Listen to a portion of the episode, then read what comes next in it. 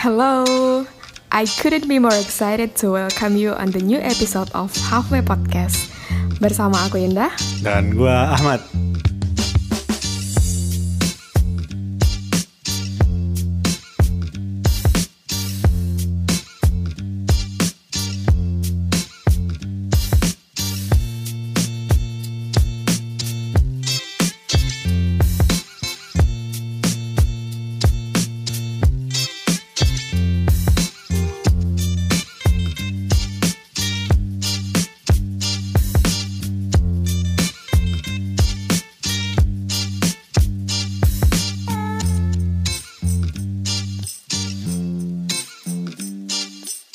Kita di sini akan mengucapkan Kenapa harus pakai akan sih? ya kan belum. ya Oke. baik. Silakan Ahmad. Itu lu aja deh. Loh, Gimana? Kamu lah. Lu aja. Tuh kan kita suka lempar-lemparan kayak gini tanggung jawab tuh nggak ada yang mau tanggung jawab gitu. Iya, terima kasih untuk ucapannya dari teman-teman. Iya, benar. Kemarin ada, yang- ada yang ngucapin kita kan. Iya, kita maafin Iya, kok. Mau masih-masih sombong ya. Ya, kita mau ngucapin selamat hari raya Idul Fitri. Mohon maaf Lahir karena dan batin. Iya, karena telat ngucapinnya. Oh ya. Dan semoga eh, maksudnya kemarin-kemarin kan kita banyak ngejokes yang nggak jelas. Oh, yang menyinggung hati mungkin. Iya, apabila itu Tidak melukai berkenan. hati secara sengaja ataupun tidak, kami memi- meminta maaf yang sebesar-besarnya. Setulus-tulusnya. Oh ya, salah ya sebesar-besarnya itu nggak ada gimana ya ukurannya gimana ya? Hmm. Intinya from the bottom of our hearts gitu. Ya. Kita minta maaf gitu. Hmm. Ya. Lu gak minta maaf sama gua? Oh, udah yo. Aku udah ngucapin lebaran ke kamu tau gak? Masa? Iya, coba dicek kamu pesennya. Terus jawabnya besok aja deh waktu balasnya waktu recording gitu ya? Enggak, kamu balasnya ya keduluan gitu. Iya, wo. Astagfirullah. Oh. Iya kan? Oke. Emang. Gak ada klimaksnya. gitu doang. Oke, ngomong-ngomong soal lebaran. Tema kita hari ini adalah Gak ada hubungan sama lebaran. Ya ada. ada. Apa hubungannya? Ada. Iya, oke. Temanya silakan adalah hubungan. orang ketiga. Terus hubungannya sama lebaran apa? Ah, Enggak, kamu, kamu harus jawab, kamu harus jawab. mungkin memaafkan orang ketiga kali. Oh gitu. Ah. Kenapa suaramu merendah gitu sih? kan ngimbangin lu. Oh, lu pakai suara konsul kan. Gua pakai suara bijak. Ini aku lagi dengan kakak-kakak ini. Itu ngakak ngakaknya aja pakai suara konsul. Apaan suara konsul? Ketawanya elegan. Mana ada? Terus? Oh gitu. Iya, orang ketiga. Hmm, kita nggak usah pakai bahasa basi aja kali ya, karena kebetulan ini banyak yang akan kita bahas dan banyak yang mengirimkan cerita ya. Eh, Lo pikir ini gak basa-basi tadi? Oke. Ya, Ya, jadi kan kemarin kita udah bikin pertanyaan ya di Instagram oh, oh. kita. di... tapi sebelumnya, Ah. Oke. kenapa ngajuin tema ini deh? Sesuai request Ahmad. Oh, Aku gue yang request kemarin ya. Itu kan karena cuma gara-gara ke kemarin keceplosan salah ngomong tema kan. Oh iya, Po. Oh, oh, di yang di episode kemarin. Eh sekarang beneran diangkat. Ya kebetulan sekali mungkin ada teman-teman yang relate sama tema ini. Oh, jadi kamu nggak sengaja? Hmm, enggak. Enggak. Enggak. Enggak, enggak sengaja. Nah, biasanya tuh yang keluar secara tidak sengaja itu kan sebenarnya Tulus. ada di otak kan. dari dari hati malah. Oke. Oke, kemarin kita sudah sempat open question di Instagram. Instagramnya kita itu Halfway Podcast. Uh, yang belum tahu Iya. boleh ya, di follow. Yang mau ikut ini ya, jawab-jawab gitu yang kita bacain di sini. Ah, Biar rame masa followersnya di Spotify banyak banget yang di Instagram. Iya. Dikit. ya udah, oke.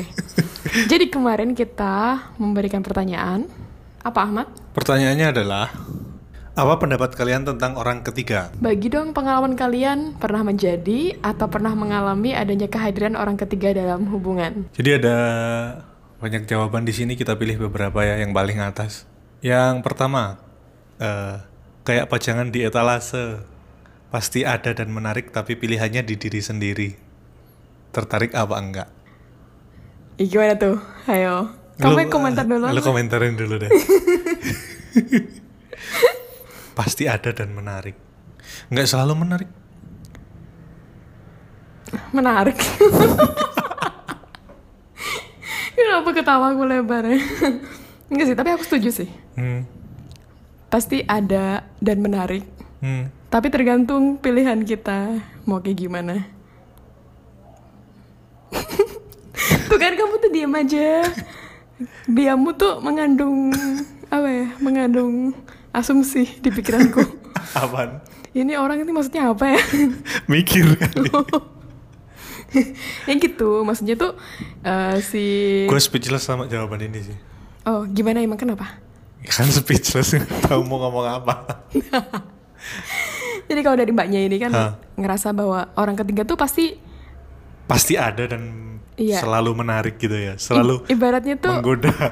ibaratnya tuh apa ya orang-orang yang berpotensi jadi orang ketiga itu pasti selalu ada gitu loh. Oh, selalu menarik. ya iya. Iya, so- selalu juga. Ya pasti ada yang menarik gitu loh sih. Gitu. Intinya tuh ada potensi. Hmm. orang-orang tuh jadi orang ketiga. Gimana sih? Bingung gue gitu lah aku paham sih tapi aku bingung caranya ngomong Hmm, Oke. coba kamu jelasin Apa? Kamu dijelasin. Karena aku suka ngelemparin ke kamu kalau aku Nah, bingung. Mungkin dia gini kali, Bella. Adanya orang ketiga itu muncul dari ketertarikan kita sendiri. Iya, iya mungkin. Jadi gini, ibaratnya kalau aku, aku kan sekarang punya pasangan gitu ya. ah, Terus selama aku menjalani hubunganku itu selalu ada aja orang-orang yang kelihatan, ih si A tuh lebih ini deh, si B tuh lebih ini deh, ya rumput tetangga ya. si C itu lebih ini gitu. Hmm. Ya pasti ada kayak gitu. Iya. Dan apa ya? Iya kan itu kan apa ya? Karena kan memang manusia punya kelebihan dan kekurangan masing-masing kan. Oh, iya betul. Misalnya kayak kita, nah itu karena kita bandingin kan sama pasangan Ah. kan. Mungkin "Ih, ini tuh lebih keren di bagian ini nih Iya, iya, orangnya. benar-benar. Ih badannya lebih bagus.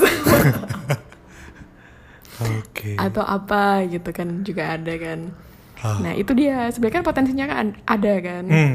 Potensi kita tertarik dengan orang lain yang bukan pasangan kita itu ada. Oh, baru paham gue. Ternyata yang dia maksud kayak gitu. Iya, jadi Gue kayak nangkep sih tadi. kayak di etalase itu kan Ah. banyak barang-barang pilihan. Oh iya, baru paham. Kan misalnya aku udah punya jilbab, Ah, tapi kan lihat jilbab-jilbab dengan motif yang baru, yang beda sama yang beda. udah punya kan. Iya, kan pasti ada kepengenan kan kadang-kadang. Ada ketertarikan. Nah, itu kita sendiri tuh memutusin mau ganti. Tertarik atau enggak kan. tapi tapi beda sih sama jilbab ya nggak kayak gitu juga. Ibaratnya. Ah. Intinya kayak gitu. Oke, ternyata dalam sekali ya kalau digali dari kata-kata itu ya. Iya. Oke, next. Oke. Kalau aku sih setuju. Iya, gue setuju sih. Setuju banget. Oke. Berikutnya, bukan berarti yang ketiga itu selalu setan. tidak mendukung pun tidak mengutuk. Pahami penyebabnya. Ini ini juga nggak paham gue. Gimana? bukan berarti yang ketiga itu selalu setan. Tidak mendukung pun tidak mengutuk. Maksudnya? Kamu kurang kopi ya. Udah habis nih satu. Jadi di- kalau dari kakak ini bilangnya kan kita nanyain orang ketiga itu pendapat pendapatmu gimana sih gitu. Hmm. Terus dia jawabnya Bukan, ber- berarti, yang ketiga itu setan kan? Iya, bukan berarti yang ketiga itu setan. Ah, ah, terus Dia itu tidak mendukung atau dan tidak, juga tidak mengutuk, mengutuk. orang ketiga ya Iya. berarti ya. Oke.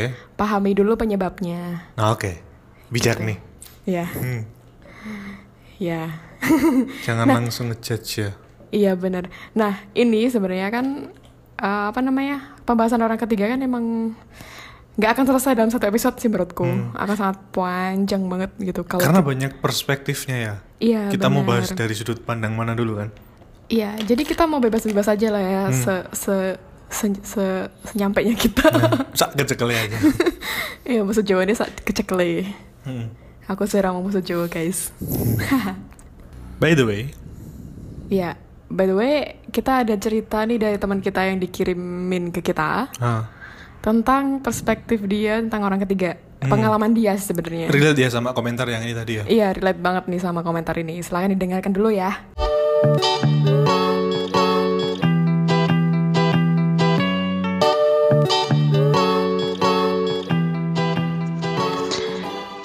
Aku pernah hampir jadi pelakor, eh, hampir jadi orang ketiga.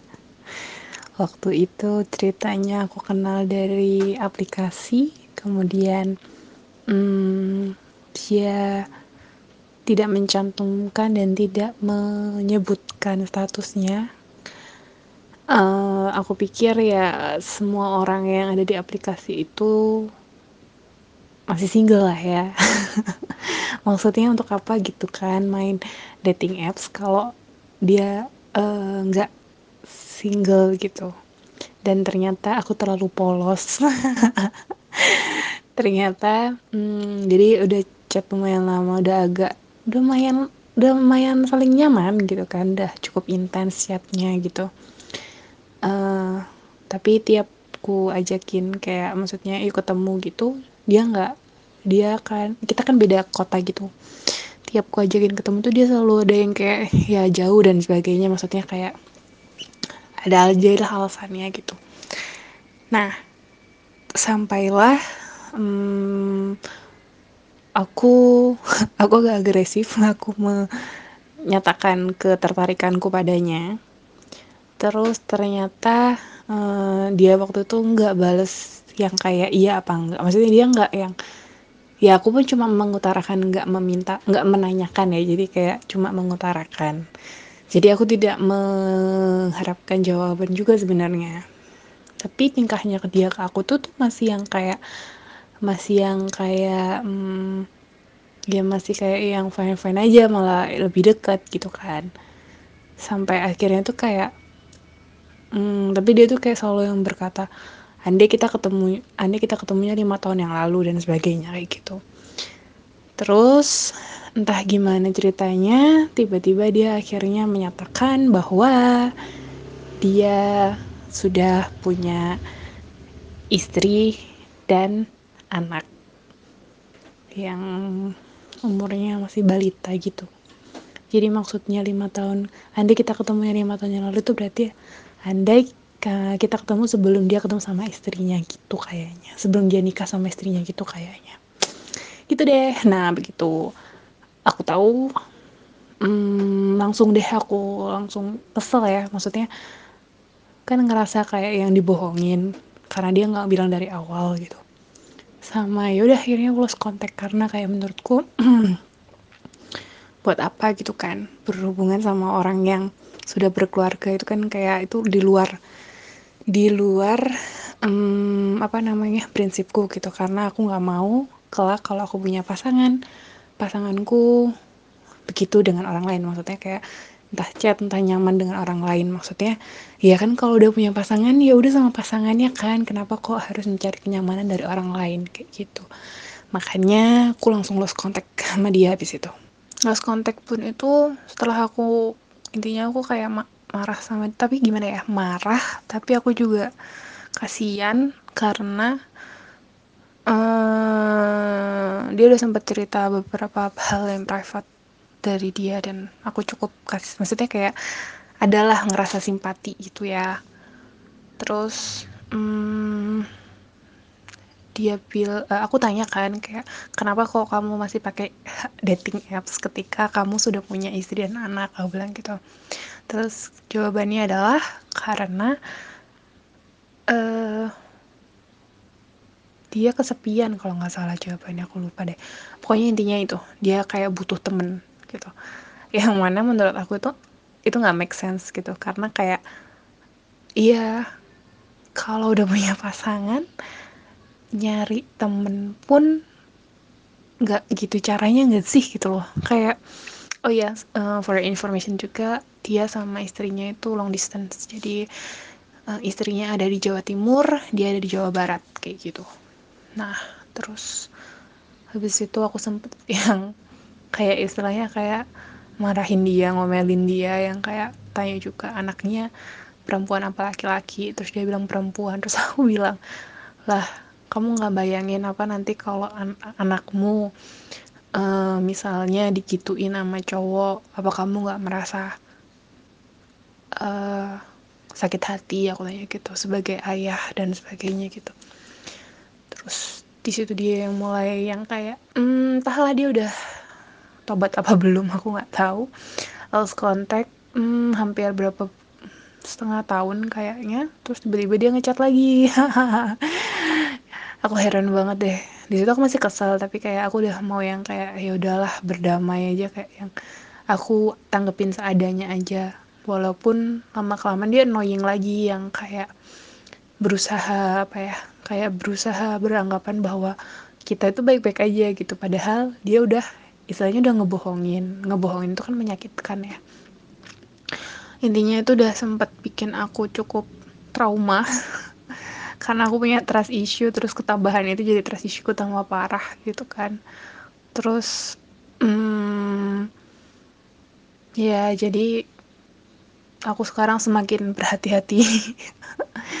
Intinya jangan kalaupun ndak uh, ada orang ketiga itu kan biasanya kalau semuanya di entah di sinetron entah di film-film tadi apa gitu kan kalau ada orang ketiga itu yang dimarahin kan orang ketiganya ya.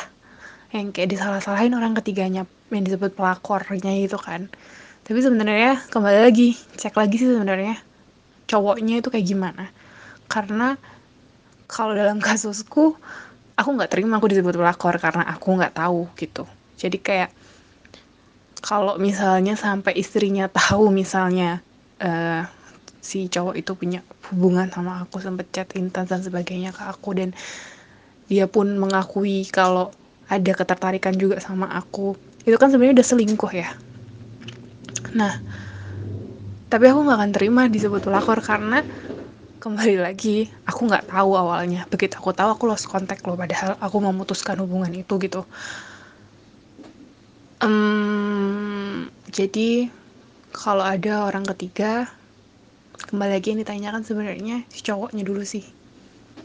Kenapa kok mau maksudnya kenapa kok dia melakukan hal itu gitu. Kayak di cross check lagi ke cowoknya sebelum menyalahkan si orang ketiganya. Dan kembali lagi kayak kalau semuanya misal di posisi yang kita yang punya pasangan kemudian pasangan kita yang berselingkuh berarti introspeksi diri mungkin ada something dari dari diri kita yang mungkin tidak sesuai dan dia mencari kenyamanan dari tempat lain. Karena ceritanya si cowok itu bilangnya uh, hubungannya dia dan istrinya itu kayak udah di ujung tanduk gitu tapi aku kayak bilang kayak hmm, malah kayak encourage dia biar mempertahankan hubungan mereka malah dan terakhir dia menghubungi aku dia bilang hubungan mereka baik-baik aja.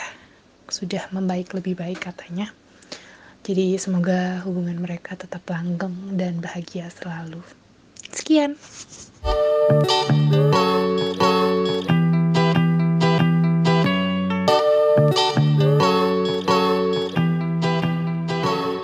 Oke, itu tadi ceritanya dari Kak Kak Sambuan. Hmm. oh, kasih nama lah. Malika. Kamu gak kreatif banget Jangan sih. Malika lagi. Malika lagi. Apa ya? Kamu sih biasanya cari nama. Hmm. Aku sih namanya Putih, Benang Sari gitu-gitu. Ya udah itu aja. iya dari Putih ya. Hmm. Perempuan. Iyalah suaranya perempuan, astaga. Oke, okay, jadi kalau dari ceritanya Mbak Putih ini, hmm. uh, dia tuh hampir jadi orang ketiga ya katanya ya. Hmm tapi ini uh, di hubungan yang sudah serius ya Iya di apa laki-laki yang sudah beristri Ah, dan ternyata sudah berkeluarga. Tapi kan posisinya dia nggak tahu kan. Nah, iya bener. Posisinya adalah dia nggak tahu nih, karena ketemunya di satu aplikasi. Ah, sebut saja Tinder. Itu sih Ya. kalau dugaan gue aplikasinya pasti Tinder tuh. Nanti coba ditanyain ya. Karena udah biasa ya banyak kasus kayak gitu ya. Ah, karena udah pernah kan. Oh anjir, kamu pernah? Tapi kamu belum beristri sih. nggak pernah mainan Tinder maksudnya. Oh gitu, oke baik. Kukira kamu pernah jadi orang yang nipu. Ini suara langsung tinggi nih. Boro-boro nipu. Nggak nipu aja. Ditipu kali. Oke. Ya baiklah. Panas banget sih belum mandi nih. Sebuah pengakuan yang sangat penting. Oke.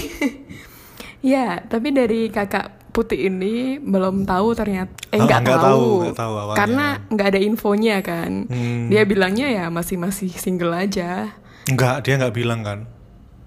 Oh nggak ngasih status doang ya? Enggak, enggak. Soalnya kalau dia diajak ketemu kan selalu alasan terus kan. Iya alasan nggak bisa Hmm. gitu kan. Tapi pada akhirnya ngaku kalau dia udah berkeluarga. Hmm. Dan dia alasannya adalah mencari teman dekat. Men- karena kesepian. Oh iya bener. Nah bagi teman-teman pengalaman kakak putih ini mungkin bisa dijadikan apa ya? Eh, Rujukan. rujukan. Enggak, ya hati-hati aja sih kalau kenalan lewat online. Iya online dating application gitu. Hmm. Enggak sih kenalan langsung juga harus hati-hati sih. Iya bener apalagi sama Ahmad kan. Hmm. dia ini. Ya, tapi di satu sisi aku sangat mengapresiasi sih sama kakak putih ini. Ha-ha. Karena ngambil sikapnya sangat langsung tegas ya, gitu. tegas ya.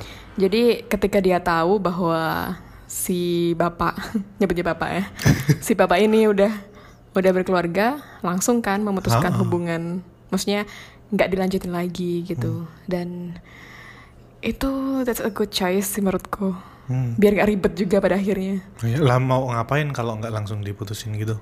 Iya. ya kan banyak pilihan kan sebenarnya. Hmm. Memutuskan itu kan salah satu pilihan yang menurutku sangat bijak dan sangat tepat untuk diambil sih. Ha. Kalau di posisi kayak gitu. Hmm.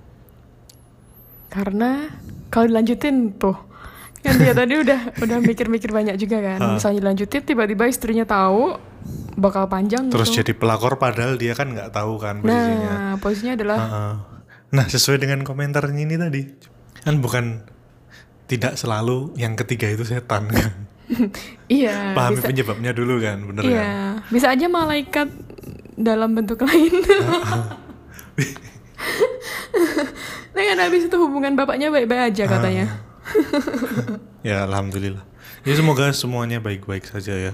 Ya, tapi ini di satu di salah satu kasus aja ya. Hmm. Bukan berarti ini bisa di generasi- generalisasikan ke kasus lain Ah. untuk membenarkan bahwa Jadi orang ketiga itu bener. iya, ini special case. Hah. Oke. Terus Terus kita bacain ini aja kali ya. Bacain curhatan aja kali ya. boleh? Nih ada salah satu bilang nih. Kak, jawabanku panjang. DM aja ya. Mana DM-nya? Mana DM-nya bentar ya. Nih, ini laki-laki nih kayaknya dari fotonya ya. Orang ketiga hanyalah sebuah sudut pandang. Kita adalah pemeran utama dari perspektif kita masing-masing meskipun kita masuk dalam hubungan orang lain.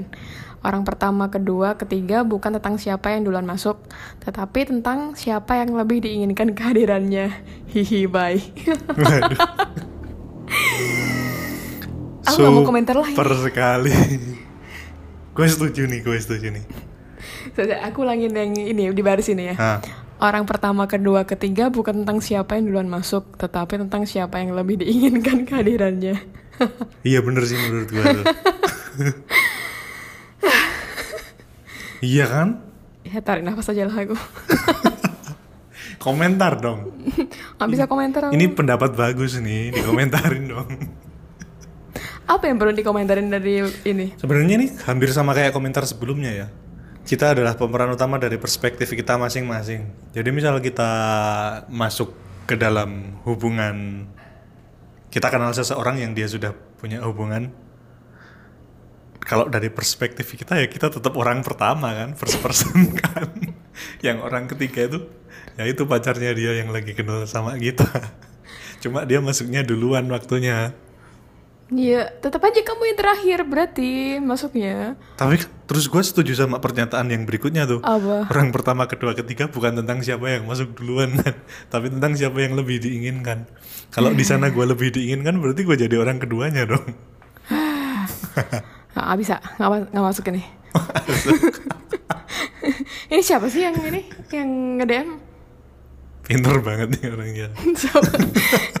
Kalian tahu kan guys, ketika ketika Ahmad sangat membela pendap suatu pendapat, berarti dia egois enggak, berarti dia yang ngirimin. Jahat banget sih aku jadi temanmu. Enggak, coba komentarin kalau pendapat lu gimana kak dengan komentar itu kak Oke, kalau aku setuju di ini yang pertama, kalimat pertama. Orang ketiga hanyalah sudut pandang. hmm. Iya, benar. terus kenapa nggak setuju dengan tergantung kalimat perspektif selanjutnya masing-masing gitu. Ah, Tapi yang nggak setuju di bagian mana apa sih aku nggak bukan nggak setuju sih, tapi lebih ke nggak nggak mau komentar aja. karena bener kan Enggak, aku nggak membenarkan, tapi nggak menyalahkan juga menyalahkan juga. Jadi aku milih aman aja. kan dia bilang orang pertama, kedua, ketiga bukan tentang siapa yang duluan masuk, tetapi tentang siapa yang lebih diinginkan kehadirannya gitu. hmm. Nah, misalnya dalam suatu hubungan si A sama si B, Hmm. terus tiba-tiba si C masuk Ah, dan yang lebih diinginkan si C, ya kasihan B lah sakit hati tuh. enggak cinta tak bisa itu loh katanya itu eh, sama sih nyanyi gue. Yura Yunita. Tuh katanya Yuran Yunita kan cinta nggak bisa disalahkan. Iya, tapi emang cinta itu nggak bisa disalahkan. Ah. Tapi perilaku orang itu yang bisa disalahkan. Iya sih. Kan berarti dia menyakiti orang lain tuh. Hmm. Kalau emang dia lebih mengi- menginginkan orang lain, ya ngapain nggak mengakhiri hubungan dulu? Lah kalau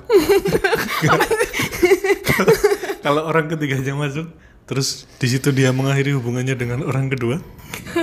Apa sih kita kita main ini ya sih, main sudut pandang. Ini kayak Ha-ha. di bahasa Indonesia tuh loh, kamu tahu sih dulu pelajaran bahasa Indonesia? Apaan? Ada apa orang ketiga eh apa sih sudut pandang orang ketiga sudut pandang orang pertama Ha-ha. Itu kayak game game first person, third person. nggak ngerti ya udahlah itulah Iya. oke jadi jadi apa ini kesimpulannya Kesimpulannya Yang tidak ada ini. kesimpulan. oke tergantung orang lain menyimpulkan oh, kesimpulannya tadi di kalimat pertama. Hanya sebuah sudut pandangan, Iya. perspektif. Silakan apa. Menginterpretasikan sendiri eh, dengan perspektif masing-masing. ya nanti kita lihat ya pendapat eh, kami di akhir gitu. hmm, seperti apa setelah membaca semuanya iya. oke Lanjut. selanjutnya Berat kak. Salah dan nggak salah sih. Bingung jelasinnya. Wah. Jawaban nggak mutu nih.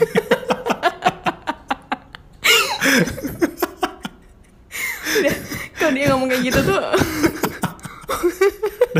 Udah jelas tuh jawaban siapa tuh. udah jelas pokoknya kalau kita saling menjatuhkan suatu komentar atau suatu pesan itu pasti lawan kita lah Nah, maksudnya ketika Ahmad jatuhin berarti itu yang ngomong aku ketika aku yang jatuhin yang ngomong harus Ahmad banget berarti. dijelasin gitu ya. kan nanti dikira kita jatuhin orang lain Ah. padahal jatuhin kita sendiri iya.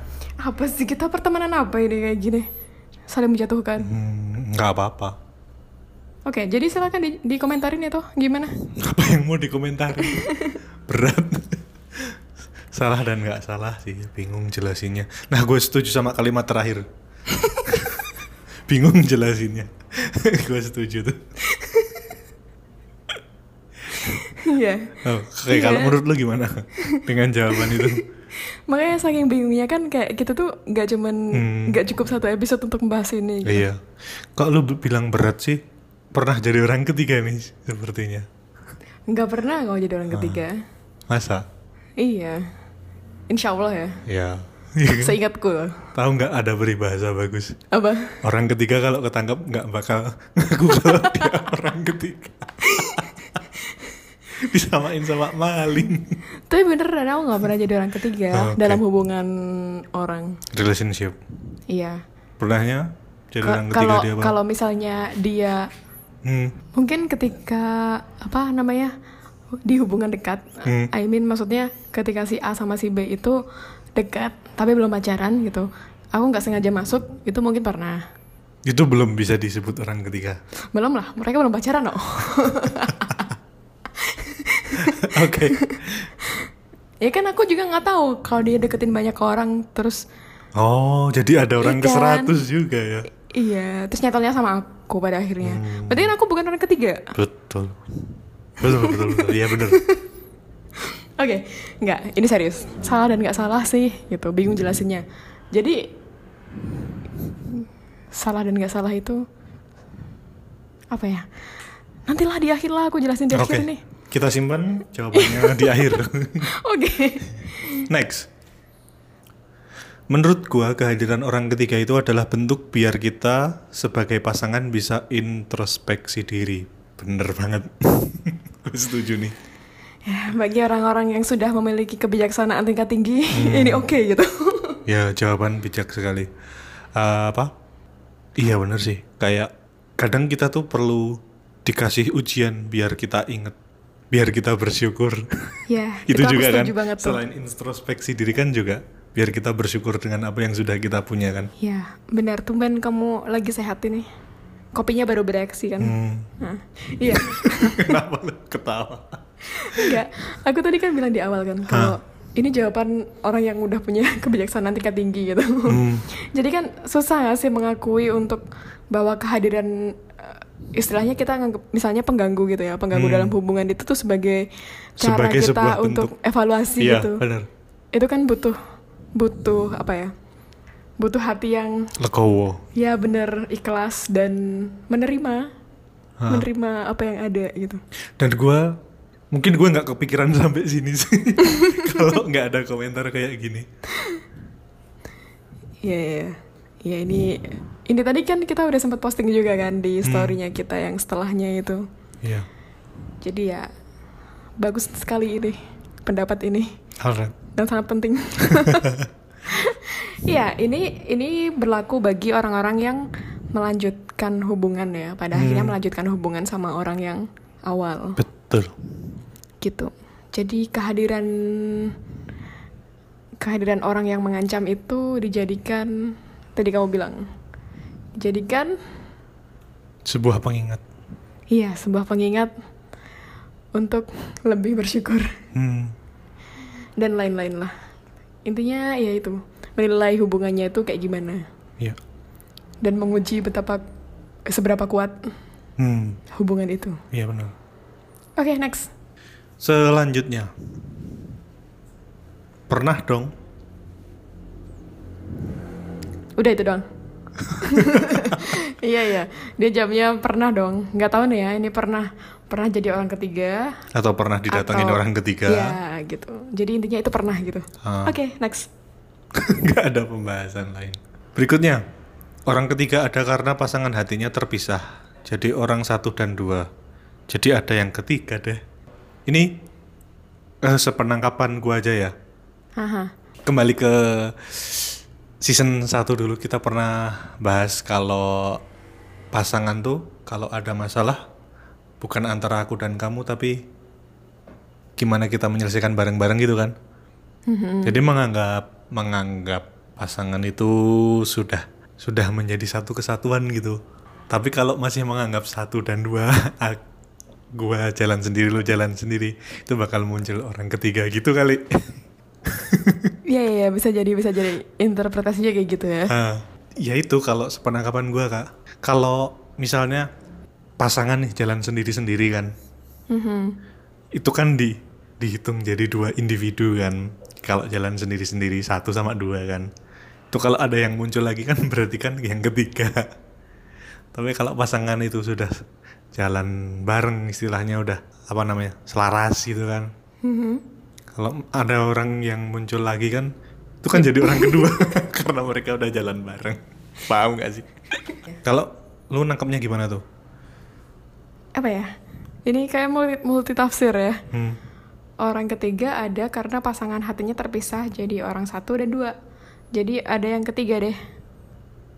ya mungkin ketika hatinya itu ya kayak kamu bilang sih Kalau aku masih setuju sama kamu aja kalau masih jalan sendiri-sendiri. ya kan emang kita tuh sebagai individu yang dua individu kan Ah, Tapi ini kalau- maksudnya bukan kalau yang digambar di apa? Di Will Enjoy dulu kan maksudnya individu utuh sama individu utuh dari sisi apa? Personal. Bukan dari sisi kalau ini maksudnya jalan sendiri-sendiri itu dari sisi hu- berhubungan kayak waktu menyelesaikan masalah itu masih sendiri-sendiri padahal mereka pasangan. Jadi beda nih konteksnya sebenarnya.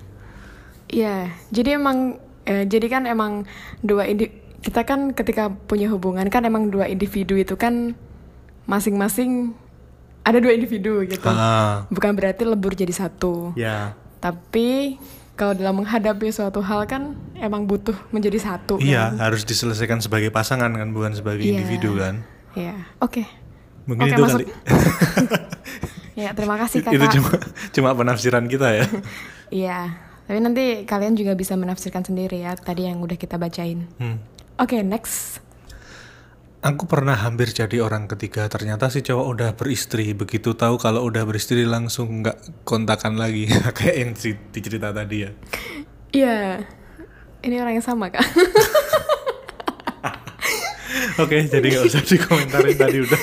Iya, itu tadi yang ngirim curhatan tadi Ah. karena dia bilang panjang, akhirnya dia ngirim voice note ya. Hmm.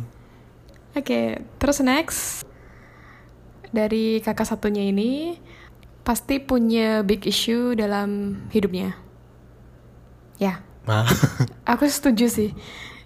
Eh, ketika menjadi orang ketiga ataupun ketik, ya sih, ketika, ketika menjadi didatangin orang ketiga. Iya bisa jadi.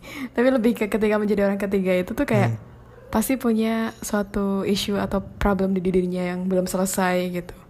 Jadi kenapa yang memutuskan untuk Menjadi yang ketiga. menjadi yang ketiga ah, dalam suatu hubungan ya mungkin ada unfinished business di masa lalu Ah. yang itu belum selesai akhirnya menjadi masalah di sekarang Hmm. gitu. Oke. Tapi bahas ini tuh bisa 5 episode kayaknya. Ah. Atau mungkin dia punya prinsip hidup gini kak. Lebih baik jadi orang ketiga yang diutamakan daripada jadi orang pertama diduain. Nah itu kan that's a problem kayak ya berarti kan ada ada kayak ketakutan ketakutan yang besar kan Hmm. ketika menjadi orang pertama di apa tadi diduain di apa jadi orang pertama tapi diduain. nah diduain ketakutan diduain itu yang Hmm. jadi problemnya Ya.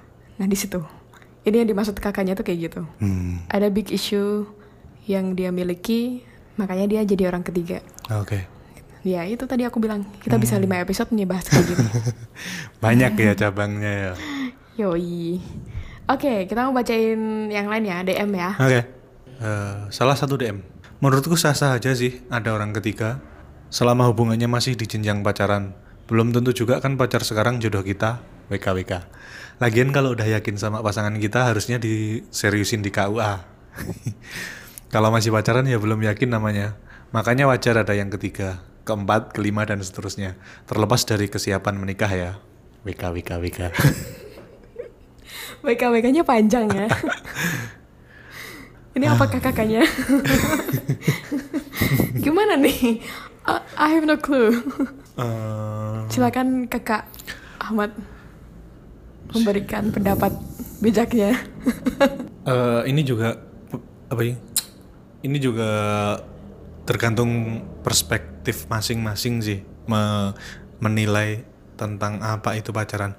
Kan kita nggak tahu. Ada juga orang yang pacaran emang karena ingin komitmen dan saling kenal dulu baru nikah kan. Nggak beli kucing dalam karung kan. Ah, Jadi kita di sini juga menghormati pendapat teman-teman yang punya pemikiran seperti itu. Iya benar benar benar. Jadi tergantung ya eh, mendefinisikan itu tuh sebagai apa gitu. Tapi dia bilang sih di akhir kalau terlepas dari kesiapan menikah ya gitu.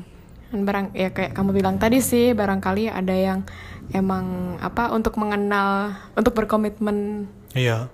Nah barangkali lagi nyiapin duit nggak sih buat nikah? Terus tiba-tiba muncul yang ketiga. Waduh. Ya, mungkin di tahapan dia dari kakaknya ini bilang di tahapan seleksi gitu kan bebas gitu kan. Hmm. Selama itu belum belum apa namanya belum, Belum nikah, sah. belum sah. Ya oke-oke aja gitu. Tapi kalau aku pribadi, Hmm. nggak apa-apa ya nambahin pendapat pribadi. nggak apa-apa Ya tapi kalau aku pribadi sih eh apa ya? Emang benar orang-orang yang datang, orang baru yang datang itu pasti punya eh, punya alasan masing-masing gitu. Hmm. Tapi tidak tidak bisa dibenarkan juga sih ketika hadir dalam hub- suatu hubungan yang sudah berjalan iya gitu. Karena eh, itu menimbulkan kerugian hati ya lah. Sakit hati sih dia orang yang yang lain Heeh, orang lain gitu. Jadi kan kalau prinsip aku pribadi sih, eh kalau kita bersikap, berperilaku, berpendapat dan lain sebagainya itu kan jangan menyakiti diri ataupun menyakiti orang lain. mantap Jadi kalau misalnya, eh, iya iya iya misalnya kayak gitu, datang di hubungan yang sudah berjalan dan itu sifatnya adalah mengganggu, ya that's not good Betul. gitu. Cuman ya balik lagi kita nggak pernah tahu tuh Hmm. alasan dibaliknya apa gitu. Tapi kalau mau di ditanya bener enggak, ya jawabannya enggak. Perilaku menjadi orang ketiga itu enggak bener gitu. kok udah kesimpulan sih lu ya udah, kayak jadi udah gini kan. tapi Sampai yang tadi. nggak apa aja. nggak apa nggak apa tapi gue jadi dapat perspektif baru nih gara-gara lu ngomong kayak gitu Apa tuh? ya bener sih Ka, apa kita boleh apa ya ibaratnya kita boleh berperilaku sesuai dengan keinginan kita tapi selama itu tidak merugikan orang lain sih harus ada batasan itu sih Iya dan diri sendiri. soalnya sebelumnya gue menghalalkan itu Oke baik.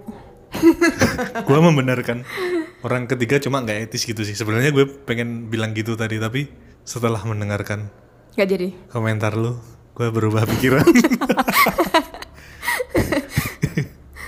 Sebenarnya tuh apa ya? Ya emang gak ada yang sempurna gitu. hmm, Eh, balik lagi kita cuma manusia biasa gitu. Bisa aja melakukan kesalahan. iya Tapi ya gimana caranya kita recover dari kesalahan itu kan? Gitu. Oke, ini jadi semakin serius. Mari kita berpindah topik. oke Oke, yang eh, pesan lagi nih ya. Em, macam ujian buat pasangan kalau ada orang ketiga bawaannya pengen ningkatin kualitas diri taulah buat apa WK WK WK WK WK WK Saya, saya tak mikir sih. ah gua paham nih maksudnya nih. Kalau ada orang ketiga bawaannya pengen ningkatin kualitas diri ini hampir sama dengan yang tadi. Kayak jadi pengingat buat introspeksi diri kalau datang orang ketiga. Berarti kalau dari komentar ini ya gua nangkepnya orang ketiganya itu berusaha merebut pasangan dia. Jadi bukan men- mendekati dia. Ya nggak Oh, bisa jadi, bisa jadi Ah, itu kan, sa- salah kalau- satu perspektifnya ya. Uh, kalau gua nangkepnya gitu sih jadi kita meningkatkan kualitas diri supaya orang ketiganya itu nggak merebut pasangan kita gitu kan Ya, itu salah satu perspektif Ah, yang ah. positif ya. Ya. Kalau aku kayaknya perspektifnya negatif ya. gimana gimana Em, macam ujian buat pasangan. Kalau ada orang ketiga bawaannya pengen ningkatin kualitas diri. Taulah buat apa? Aku nggak jadi nggak jadi kasih komentar negatif lah. Aku bingung mencari-cari negatif. ternyata nggak ada yang negatif ya Enggak, susah otak aku tuh kalau disuruh mikir negatif soalnya. Padahal sebenarnya kita nggak boleh ngambilin positif dan negatif. ya. Oke lah, cukup. Oke, tidak terasa sudah satu jam satu jam. Padahal tadi ada berhenti lama sih Hmm. Buat mahamin ini. buat memahami komentar-komentar Iya, teman-teman komentar-komentar. Hmm, biar nggak salah tafsir ya Iya, bener nggak salah tafsir. dan meskipun nanti salah tafsir mohon maaf ya nanti bisa dijelasin lagi iya, iya kan emang, iya itu kan dari perspektif kita Ah, ya. iya. Balik lagi ya ya. Oke kak, kalau dari lu pribadi, lu gimana nih? Pernah ada pengalaman orang ketiga? Hah?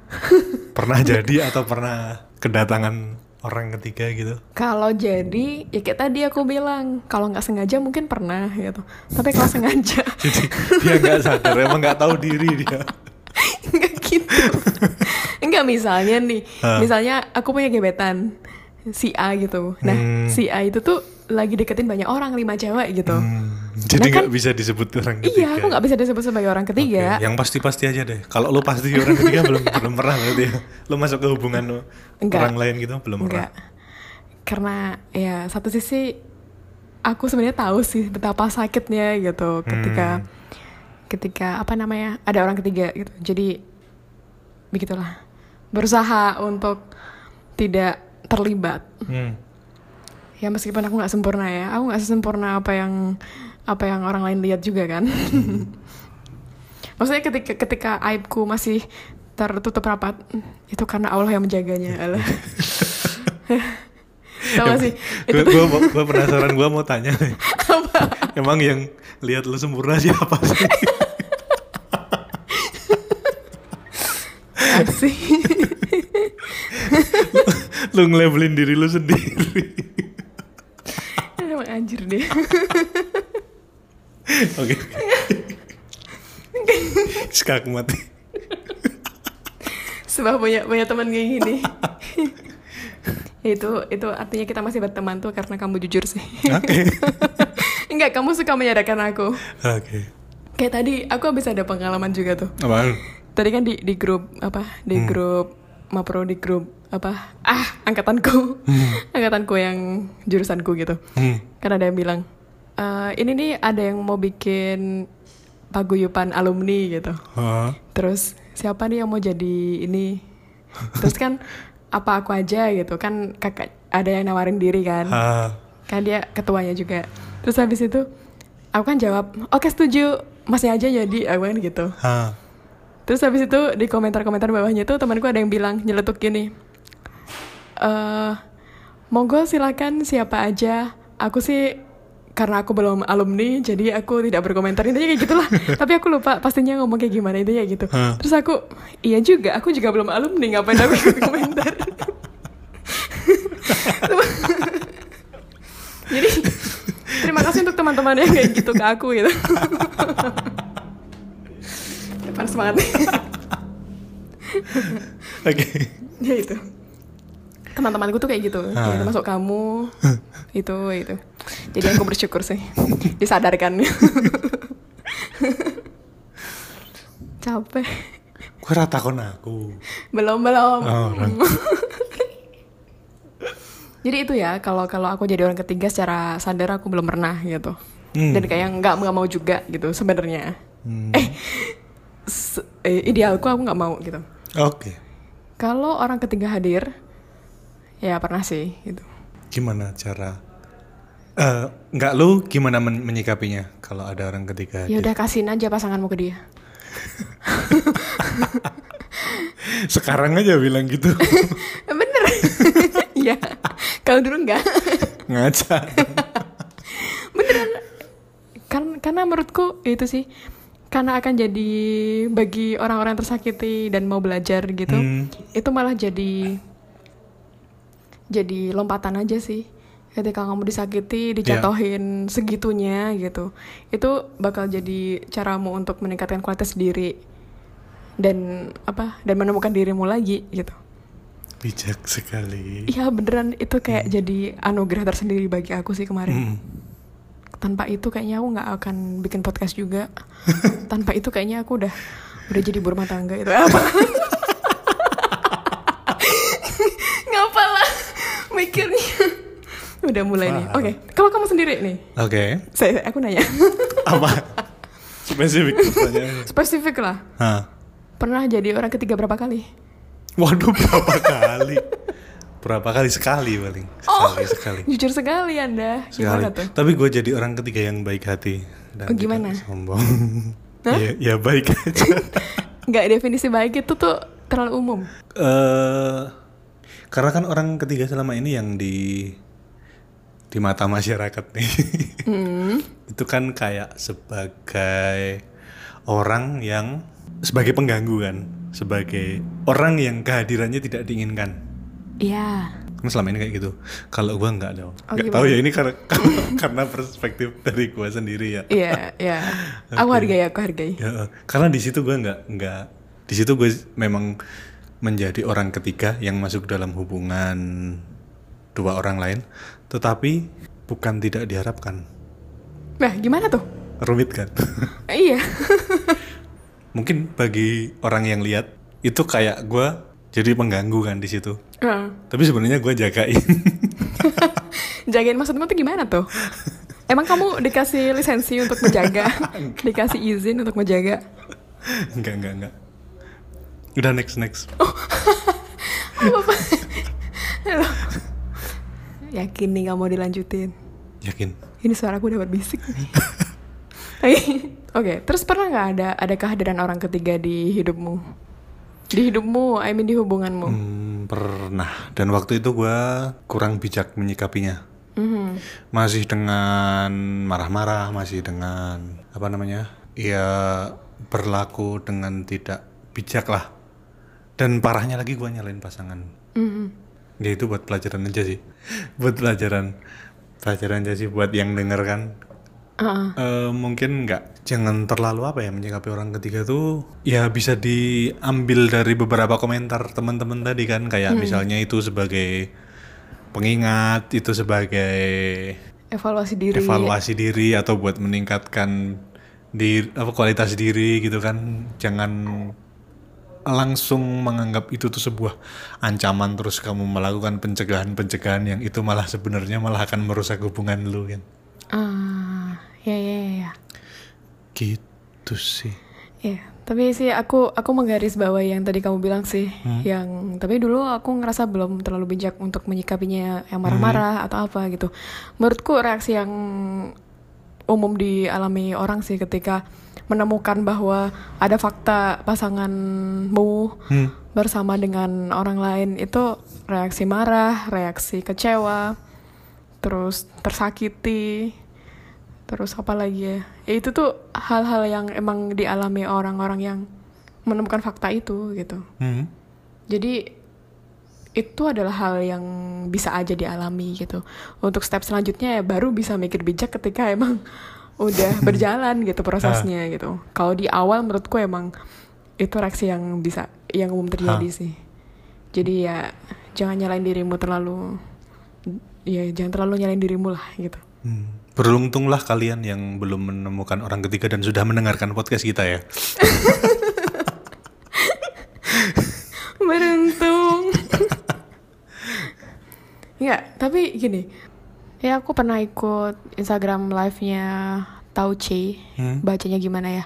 Yaitu punya Cik Vina sama pembicaranya tuh Kak Indit gitu. Hmm. Dia tuh intinya bilang eh bahas tentang perselingkuhan gitu. Hmm. Kalau nggak salah inget ya. Eh, di sana tuh bilangnya gini. Sebenarnya tidak ada hubungan yang kebal akan eh, isu perselingkuhan gitu. Hmm. I mean itu adalah ancaman yang bisa aja terjadi ke siapa pun gitu. Mau hubungan selama apa pun, mau sedekat apa pun, mau seromantis apa pun, itu adalah ancaman yang nyata gitu. Hmm. Dan menurutku itu yang juga perlu dipahami orang-orang agar bisa mengantisipasi sih. Hmm. Kayak nggak ada hubungan yang sempurna gitu.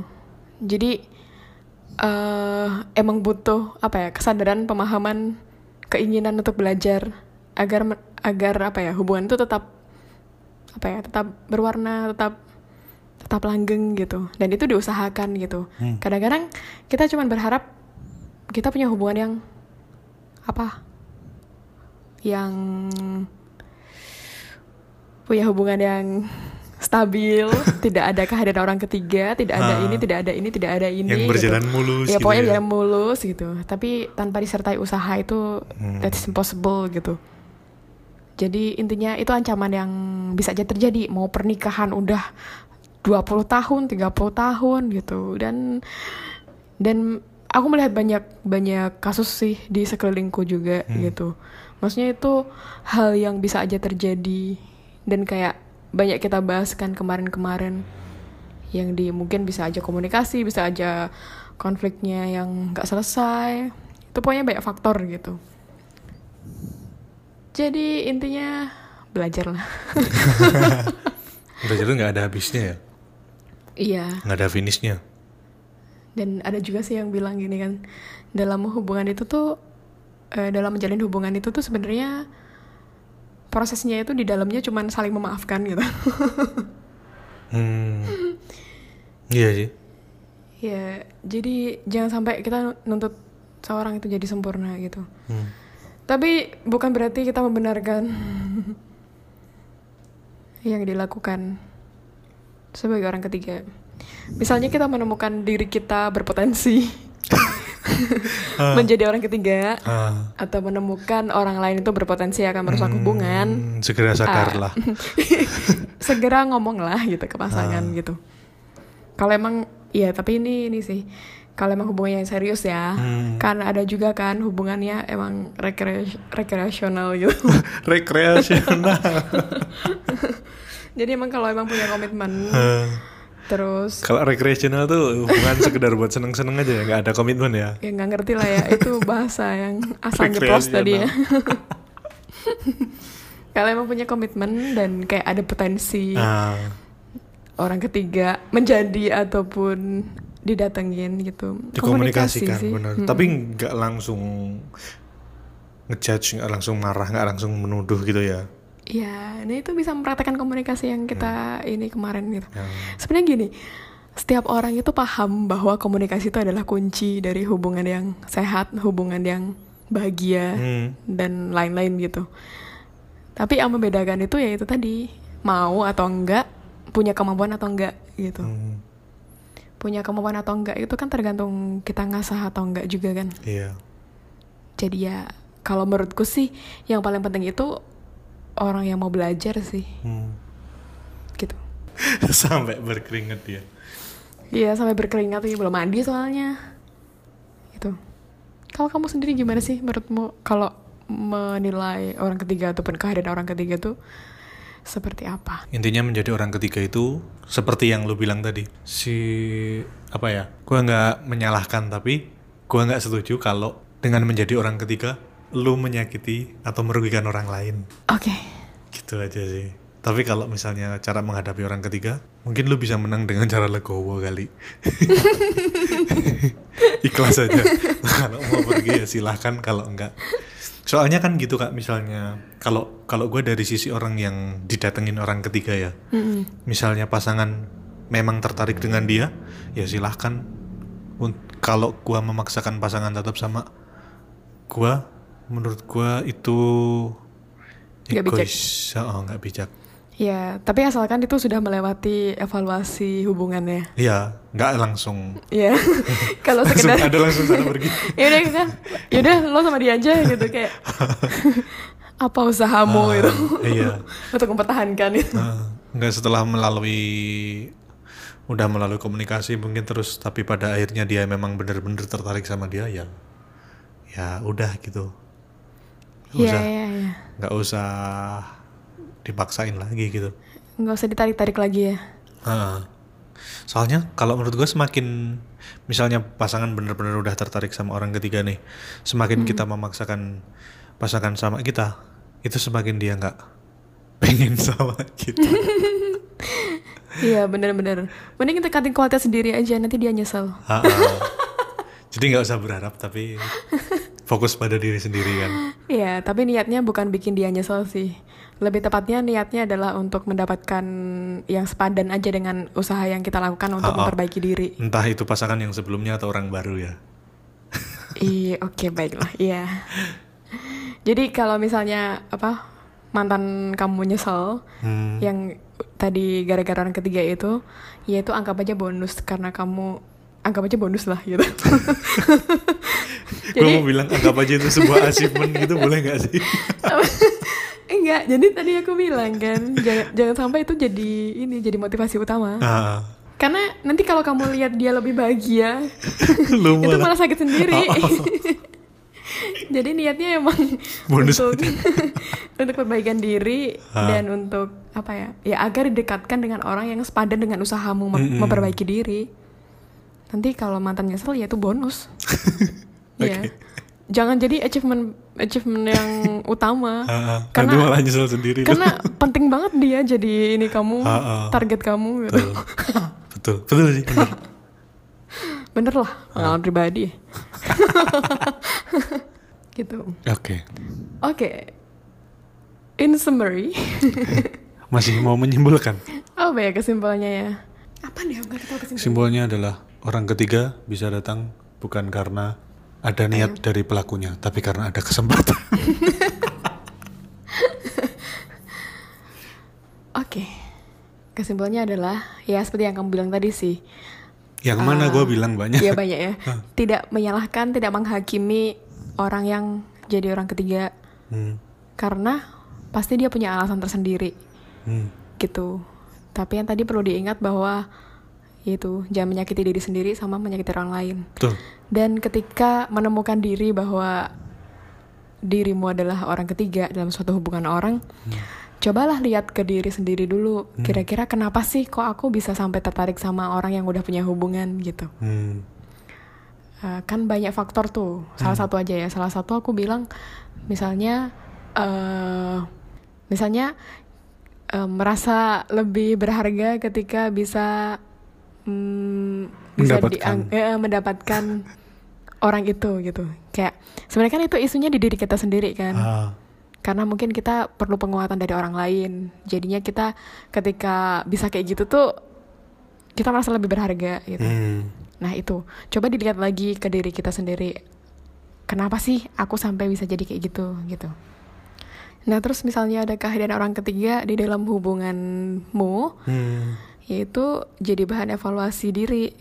Kayak emang apa sih yang kurang dari hubunganku gitu? Kenapa sampai ada orang ketiga? Misalnya merasa nggak cukup dengan pasangan gitu, hmm, atau merasa atau ternyata kita kurang mengapresiasi pasangan selama ini makanya dia lebih eh makanya dia tertarik sama orang Iya lain benar-benar. Yang lebih menyamankan dia gitu. Yang lebih mengapresiasi dia. ya gitu. Jadi emang sebenarnya banyak ya yang perlu dilihat gitu. Intinya tanya ke diri sendiri sih kuncinya. Habis itu baru didis- didiskusikan dengan pasangan. Ini kayak yang kita bilang di episode eh apa ya yang ada konflik gitu Hmm, ya sebenarnya kayak gini tuh dihadapinya berdua gitu. Iya. setelah kita melakukan evaluasi diri. Udah gitu aja Oke, terima kasih yang sudah mengirimkan pesan, cerita tadi, Iya, benar dan sudah nggak jadi. Ahmad pamit. apa sih Indah pamit suka gantung ya kamu suka gantungin orang orang Bye.